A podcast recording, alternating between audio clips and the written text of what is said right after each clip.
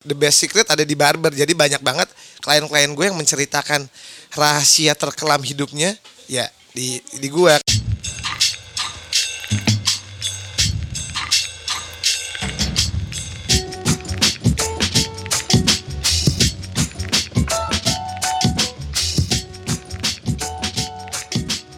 Halo, wah, baru mulai udah disambut sama hair dryernya Wawan. Nah, ya beginilah memang eh, podcast eh, Nick Barber Talk emang benar-benar podcast yang gue buat ya di barbershop gue.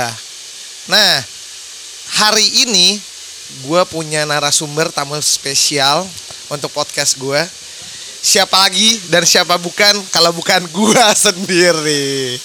Sebenarnya eh, ini sekarang udah episode ketujuh. Memang oh ke-8, sorry. Eh, si Cuntet ngarahin angkanya ke angka 8. Eh, episode ke-8 eh gue memang belum bikin episode soal pilot pilot project atau enggak kenapa gue bikin podcast ini dan segala macem gitu. Makanya di episode sekarang ini gue mencoba untuk eh, memperkenalkan diri sih gitu loh. Eh, kalau yang eh, masih belum kenal gue siapa, nama gue Nikasius Dirgayu. Orang-orang manggil gue Nick. Eh, gue profesinya sebagai barber. Eh, bisa dibilang gue udah di bidang barber udah masuk 9 tahun. Kayaknya dari tahun 2011 akhir 2012 awal lah eh, gue mulai terjun ke dunia barber. Kalau pengen tahu gue sebelumnya jadi apa, sebenarnya gue dulu eh, kerja di brand activation agency eh, dua tahun mungkin. Terus habis itu gue akhirnya berpindah haluan menjadi barber. Nah banyak banget yang bertanya-tanya, mulainya dari mana sih Nick gitu loh untuk lo bisa tiba-tiba jadi barber. Sebenarnya waktu gua kerja, gue punya teman namanya Mario. Nah Mario nih eh, jadi staff gua buat project beberapa project gua di kantor di brand activation agency itu. Nah dia tuh eh, teman main gua, teman main sepeda gua zaman dulu fix gear. Gue main sama dia, terus eh, dia kerja bareng gue, terus dia memperkenalkan sebuah produk hair product saat itu memang hair product cuman ada gel kali ya kayaknya gel atau enggak hair cream segala macam doang kayak gitu doang. Nah dia memperkenalkan sebuah produk yaitu pomade. Nah pomade tapi zaman itu pomade cuman ada oil base mereknya Murace kalau kalian tahu. Eh, warnanya tuh kalengnya warnanya orange tapi juga ada yang warnanya kuning tapi eh, Nunail itu. Sebenarnya same brand Muris Muris juga tapi yang uh, pertama kali gua lihat adalah si warna orange ini. Terus gambar di atasnya tuh ada gambar orang afro cewek cowok. Nah ini pertama kalinya gue buka kok lengket kayak gini ya? Tapi gue coba ke rambut gue wah ini lucu ba- lucu banget. Kenapa lucu? Karena eh, ketika gue pakai gue bisa sisir kapan pun. Jadi bisa gue styling kapan pun itu. Karena eh, zaman eh, wax atau enggak zaman si gel ini ketika lu pakai lu nggak bisa restyling lagi. Jadi bener-bener udah firm. Kayak contohnya lu pakai gel lu styling pasti pecah-pecah dia. Jadi nggak lengket lagi. Nah tapi kalau si pomade ini kok sepertinya menarik gitu loh. Dan gua buka saat itu gue pakai gue coba dan gue suka. Nah pas lagi kerja gue mencoba untuk cari eh, kerja sampingan lah bisnis sampingan. Nah gue berpikir bahwa ah lucu juga nih kalau gue jualan pomade si Mures ini gitu loh. Kenapa enggak? Eh akhirnya gue coba jualan gue coba buka kaskus ya. Ketahuan jadi umur gue umur gue berapa karena zaman dulu masih ada kaskus. Ya mungkin sekarang kaskus udah ditinggalin lebih mengarah ke Tokopedia kayaknya atau enggak eh marketplace yang lain. Tapi kaskus zaman itu ya gila banget. Nah gue buka belum banyak banget yang jualan si pomade Mures ini. Akhirnya gue beli di salah satu vendor gue di Semarang. Gue beli satu lusin gue jualan di eh, kaskus. Dan juga yang pasti gue jualan ke teman-teman gue nah ketika udah masuk ke pomade zaman itu YouTube masih baru lah bisa dibilang. Gue buka YouTube gue cari tahu tentang pomade ini apa nyambungnya ke scene barbershop di Amerika. Jadi ada satu channel namanya Trash Lab. Kemarin-kemarin ini gue coba cari kayaknya Trash Lab udah nggak ada. Eh dia itu ngomongin tentang eh, barbershop culture di Amerika. Dan gue lihat wah keren banget ya anak muda bajunya santai tapi dia bisa eh, kerja jadi barber bisa dengerin musik apa aja. Dia fleksibel ngatur waktu. Sedangkan saat itu gue masih jadi budak korporat which is eh, gue harus masuk jam 8 pulang jam 5 sore. Tiap hari kayak gitu udah bosen banget gitu kan. Terus gue nawarin lah ke teman-teman gue termasuk teman kuliah gue nah gue kuliah di IKJ kebetulan gue nawarin ke kakak kelas gue ke alumni lah. Gue nawarin dia bilang Nick gue mau beli eh eh, apa pomade lu tapi ada satu syarat. Apa syaratnya? Cukurin rambut gue zaman gue kuliah di IKJ gue lumayan sering dimintain bantuan buat nyukurin teman-teman gue kenapa kenapa eh gue nyukurin? Karena memang teman-teman gue lumayan lumayan agak sedikit seni lah bisa dibilang. Kenapa? Karena potongan rambutnya aneh-aneh. Ketika lu datang ke sebuah barbershop lu motong rambut aneh pasti akang-akangnya nggak nggak akan mau gitu karena ini bener nggak nih segala macem kayak gitu kan. Kalau lu menuju ke salon yang which is yang bisa motong aneh-aneh harganya pasti mahal gitu loh. Akhirnya yang diminta tolong adalah teman-teman gitu loh. Nah itu sambil gua kasih lihat video-video di YouTube yang gua simpen di iPad gua gitu ke alumni gua ini. Namanya Masyo kalau nggak salah. Kalau nggak salah ya pertama kali tuh Masyo yang yang minta gue potongin rambutnya. Salah satunya lah. Akhirnya gue motongin rambut segala macam dia beli. Nah saat itu gue masih motong di kampus di studio belakang studio kayu. Nah kalau di IKJ tuh kalau misalnya gue lagi mo- motongin rambut orang semua orang yang datang lewat jadi latah. Latah kenapa? Latah pengen dipotongin rambutnya. Nah ya udah akhirnya gue eh, motongin rambut segala macem. Nah tiba-tiba gue jadi lebih serius. Gue gajian gue belilah sebuah alat barber di pasar baru. Karena zaman itu nyari alat barber ya cuma di pasar baru nggak ada tempat lain yang nggak ada nggak ada nggak ada nggak ada Tokopedia dan lain-lain atau enggak sekarang zaman sekarang di Instagram udah banyak banget lu channel buat nyari alat-alat barber dari Amerika dengan brand-brand yang lain dengan mudahnya gitu loh. Gue beli di pasar baru, akhirnya gue mulai motong, motongin teman-teman gue sampai akhirnya gue motongin salah satu teman gue namanya Adit, Adit Fufu. Halo Adit. Nah dia tuh gue potongin, tiba-tiba suatu hari dia bilang Nick, lu mau nggak motongin teman-teman kantor gue? Kebetulan teman-teman kantornya tuh kerja di digital agency. Saat itu si Adit lagi di kerja di digital agency. Gue datang ke kantornya dia setelah gue eh, yang pasti setelah gue kelar kerja ya. Gue datang kantornya dia di daerah kuningan. Gue motongin tiga orang temennya tiga orang temennya motongin sambil ngobrol-ngobrol. Nah di saat itulah pertama kalinya gue diapresiasi diapresiasi sama temen-temennya Adit dengan dibayar duit. Karena sebelumnya gue nggak pernah dibayar duit tapi cuma dibayar makan. Saat itu gue masih ngerokok gue dikasih rokok dikasih minuman segala macam. Pokoknya nggak bentuknya nggak bentuk duit. Kecuali si Masyo karena dia beli pro, beli pomade gue akhirnya eh, gue kasih potong gratis.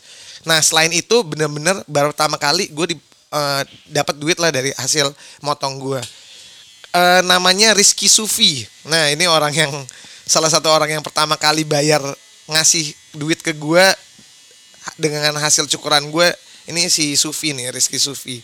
Nah dari situlah gue mulai ngerasa bahwa wah lucu juga nih kalau misalkan gue jadi beralih jadi barber gitu loh. Tapi gue masih belum yakin sampai akhirnya gue udah bosan kerja kakak gue yang cewek lagi tinggal di In- India sama suaminya lagi dinas di sana dia ngajakin gue buat liburan di India. Tapi dia mintanya sebulan sedangkan kalau kerja lu nggak bisa dapat eh apa namanya cuti selama sebulan gitu loh.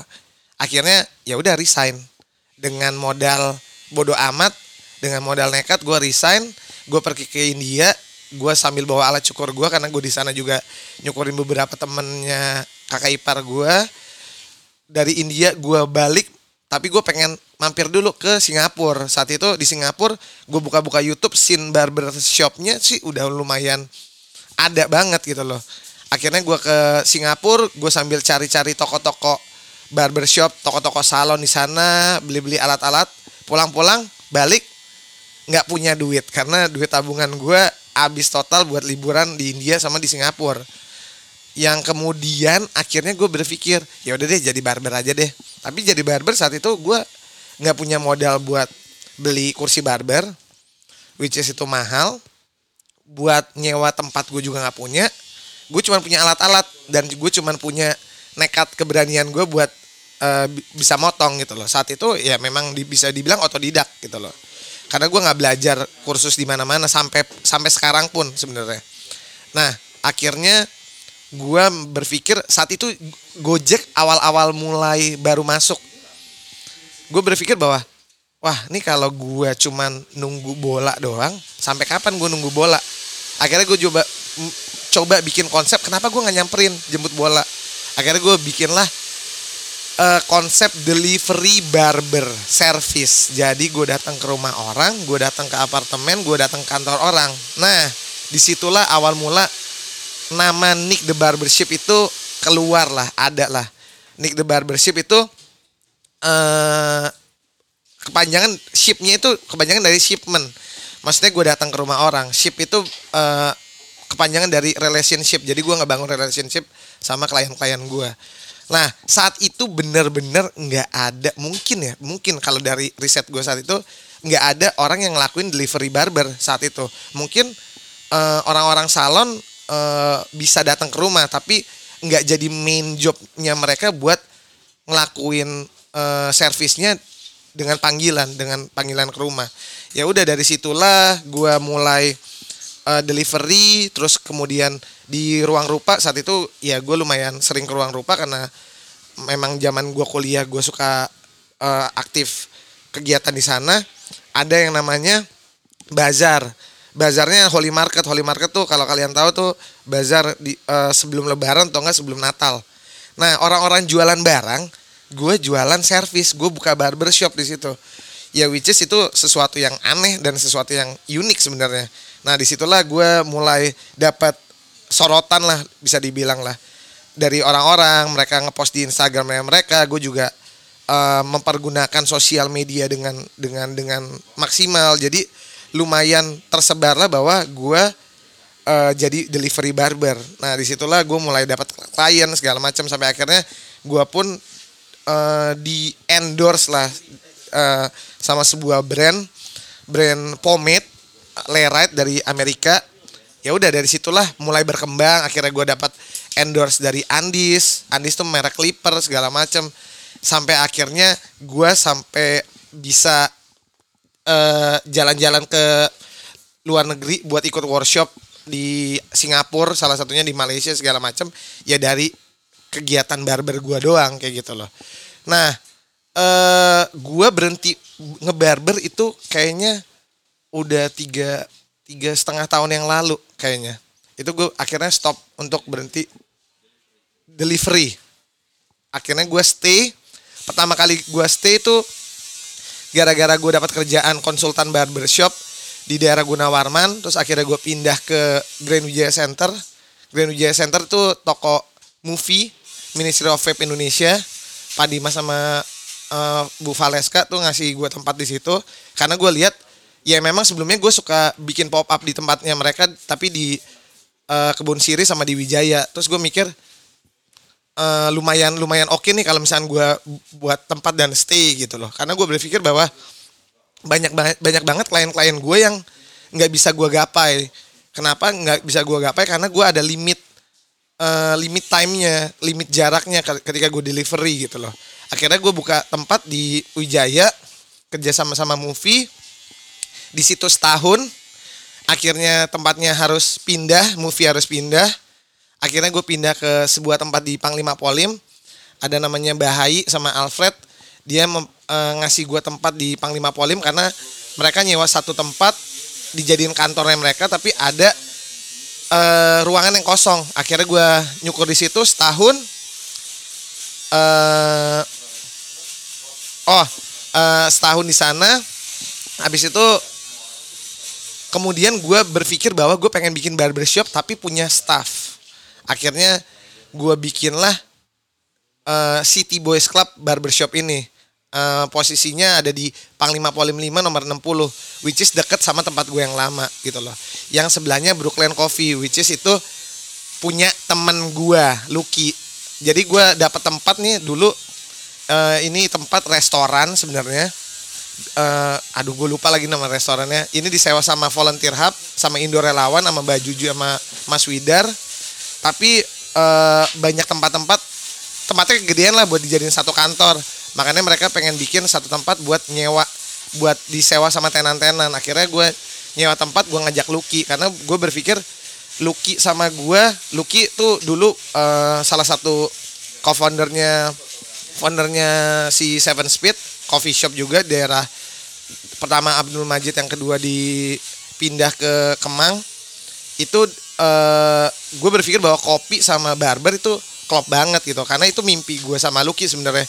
Awal-awal awal-awal awal-awal pengen bi- bikin barbershop sama coffee shop gitu loh. Makanya akhirnya kejadian lah City Boys Club barbershop ini. Which is yang pertama masuk tuh ada si Bagus Noprimana. Dia orang Lampung si Bagus itu dari zaman gua di Wijaya dia udah datang ke barbershop gua sok-sok jadi pendekar karena tiba-tiba dia minta potong rambut ternyata dia pengen eh, bareng sama gue eh alus juga sih nih bocah nih datang-datang nyukur tiba-tiba ngobrol ternyata dia barber.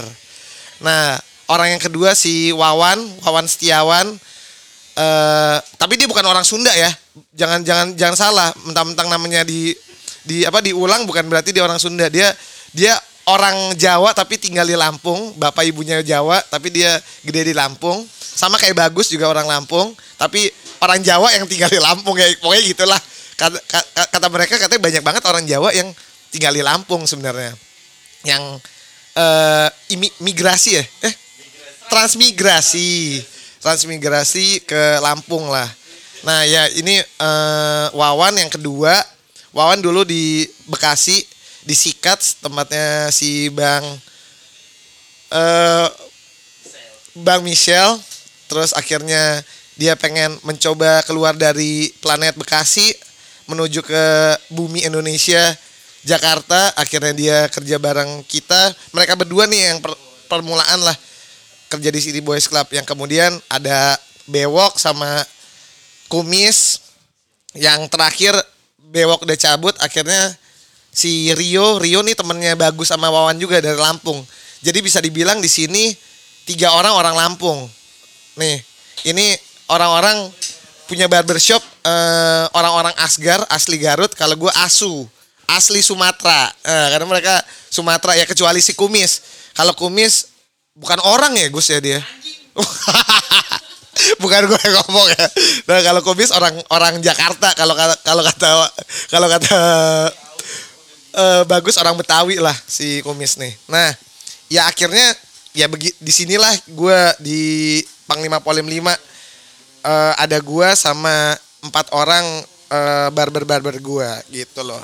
Nah, mengarah ke maksud dan tujuan gue buat podcast. Nah, ini yang lucu sebenarnya karena eh, konsep gue buat podcast ini sebenarnya bisa dibilang gue ngeliat eh, dari eh YouTube sebenarnya pertama. Ini kalau misalnya lu buka di YouTube eh ada namanya The Shop. Ini LeBron James. Kalau lu buka dia modelannya ngobrol tapi di barbershop. Konsepnya dia ngobrol tapi di barbershop, tapi bukan barber yang ngobrol. Tapi dia sama bintang tamunya di barbershop. Nah, sebenarnya konsepnya gua eh, yang Nick the Barbershop itu karena gua nge eh, shipnya itu relationship. Memang ketika gua nyukur gua ngajak ngobrol klien-klien gua karena culture di Amerika lu datang ke barbershop lu tempat lu hangout. Jadi bener-bener lu bisa gosip, bisa dibilang barbershop is main cave lah. Jadi lu bisa gosip, bisa ngomongin eh, olahraga, lu bisa ngomongin eh, cewek, ngomongin apa pun permasalahan permasalahan duniawi lu ya di barbershop gitu loh. Karena lu bisa ngobrol istilahnya the best secret itu ada di barbershop gitu loh. The best secret ada di barber. Jadi banyak banget klien-klien gue yang menceritakan rahasia terkelam hidupnya ya di di gue karena tempatnya barbershop tempat cowok banget lah bisa dibilang. Nah, itulah yang kenapa akhirnya gue mikir bahwa kenapa gue nggak bikin Nick Barber Talk karena gue suka ngobrol juga. Nah, sebenarnya ketika lu ada di sebuah tempat baru, yang lu harus lakukan adalah lu harus ketemu tiga profesi. Ini yang uh, kenapa gue selalu bilang tiga profesi itu yang pertama adalah lu kalau lu orang yang morning person, lu datanglah ke coffee shop, ke barista, which is sebelah kiri gue coffee shop Brooklyn. Lu datang ke barista, lu bisa ngobrol, pesan kopi, lu bisa nanyain e, Mbak atau enggak Mas tempat bubur yang enak di sini di mana ya? Atau enggak lu pengen cari tempat fotokopi di sini di mana? Bank BCA terdekat atau bank Mandiri terdekat di mana? Nah, itu lu bisa banget lu nyari informasi sama barista karena mereka tahu pasti tahu daerahnya sendiri gitu loh. Yang kedua adalah kalau lu orang malam, lu suka night life, lu datang ke bar, lu beli minuman, lu bisa nanya apa pun ke bartender karena mereka pun juga tahu tentang orang-orang kenal kenal beberapa link segala macam. Makanya ada scene kalau di uh, film Amerika uh, detektif datang ke uh, bartender terus bilang I give you 100 tell me about him. Kayak lu nyari informasi ya datang ke bar ke ke bar gitu ke pub terdekat gitu loh. Yang ketiga adalah ya lu datang ke barber shop gitu loh. Datang ke barber shop lu ketemu sama barbernya potong rambut lu bisa banyak nanya hal tentang daerah tersebut atau enggak tentang orang segala macam bla bla bla makanya maka dari itu ini bener-bener gue lihat banget scene ini scene di mana orang nanya ke barbershop itu ada di scene filmnya Coming to America. Ini tahun 1988 uh, ceritanya tentang Eddie Murphy sebagai Prince Akim. Dia datang dari Afrika ke Amerika karena bisa dibilang mencari jodohnya dia, mencari cintanya dia. Nah, ini yang lucunya adalah dia datang ke uh, kalau nggak salah ke Brooklyn, datang dia sewa apartemen di bawahnya tuh ada barbershop dan dia ngobrol sama barbershopnya. Yang lucunya adalah ini scene ini dipakai sama salah satu uh, rapper terkenal di Amerika si Action Bronson, salah satu rapper terkenal gue dia uh, fit bareng si Chance the Rapper. Uh, lagunya tuh Baby Blue. Ini lu bisa lihat di YouTube. Ini scene-nya sama persis sama scene-nya Coming to America nih. Kalau mau dengerin lagunya nih, gue setel.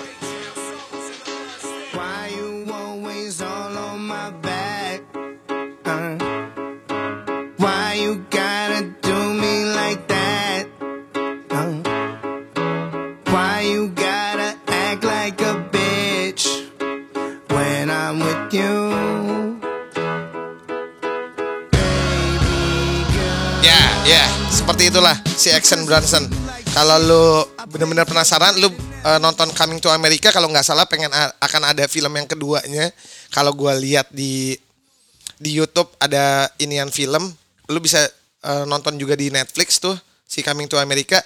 Ini scene-nya persis video klip sama video klipnya si Action Bronson ini. Bagi gue nih lucu banget. Nah, uh, kalau ngomongin tentang konsepnya Nick Barber Talk sebenarnya uh, gestar gestar yang gue panggil, narasumber yang gue panggil itu sebenarnya bisa siapa aja. Enggak, sebenarnya gue nggak nggak nggak menutup kemungkinan buat orang-orang tiba-tiba eh Nick gue pengen dong jadi gestar lo buat ngobrolin soal ini segala macem. Kalau misalkan gue rasa itu menarik dan uh, lucu gue gue buat angkat ya kenapa enggak gitu loh. Bukan berarti lu harus jadi customer gue harus jadi klien gue yang gue cukurin dulu. Terus abis itu gue jadiin sebagai narasumber di podcast sebenarnya enggak juga gitu loh. Karena yang kenapa gue ngambil klien-klien gue yang gue cukurin ya karena gue udah tahu ceritanya mereka nih menarik nih buat gue angkat gitu loh. Terus abis itu gue sekarang kalau lu lihat gue ngebahas audax segala macam ya karena emang relate sama sama hobi gue yang sekarang tentang audax segala macam which is Om Bob sama beberapa teman-teman gue juga klien gue gitu. Yang lucu banget kalau gue angkat ceritanya buat jadiin podcast gitu loh itulah konsep sebenarnya. Si gestarnya narasumbernya kayak gitu. Tapi nggak menutup kemungkinan buat kalian juga yang tiba-tiba pengen jadi gestar gue ya kenapa enggak gitu ngobong aja. Dan kelebihannya jadi gestar gue yang pasti dipotongin gratis sama gue gitu loh. Jadi kapan lagi potong gratis? Sambil masuk podcast gitu. Jadi buat lu, lu semua bisa langsung DM ke Instagram gua di nick underscore the barbership. Bisa langsung ke situ lu bilang Nick gue mau dong jadi guest star lo tapi gue pengen tahu juga lu pengen cerita apa sih tentang tentang tentang diri lu atau enggak tentang sesuatu yang lu bisa angkat yang ngobrol sama gue sambil dicukur. Karena konsepnya tetap gue pengen konsepnya gue nyukur sambil bikin podcast. Nah paling itu aja yang uh, di episode kali ini yang uh, bisa gue bahas tentang diri gue dan tentang podcast gue. Kalau misalkan emang kalian ada saran dan kritik bisa langsung DM juga. Tapi jangan lupa follow Nick the Barber Talk di Spotify yang pasti karena gue akan uh, cuman ada di Spotify doang dan juga follow Instagram gue di Nick underscore the Barbership. Oke, okay, Nick the Barbership sign out. Bye bye.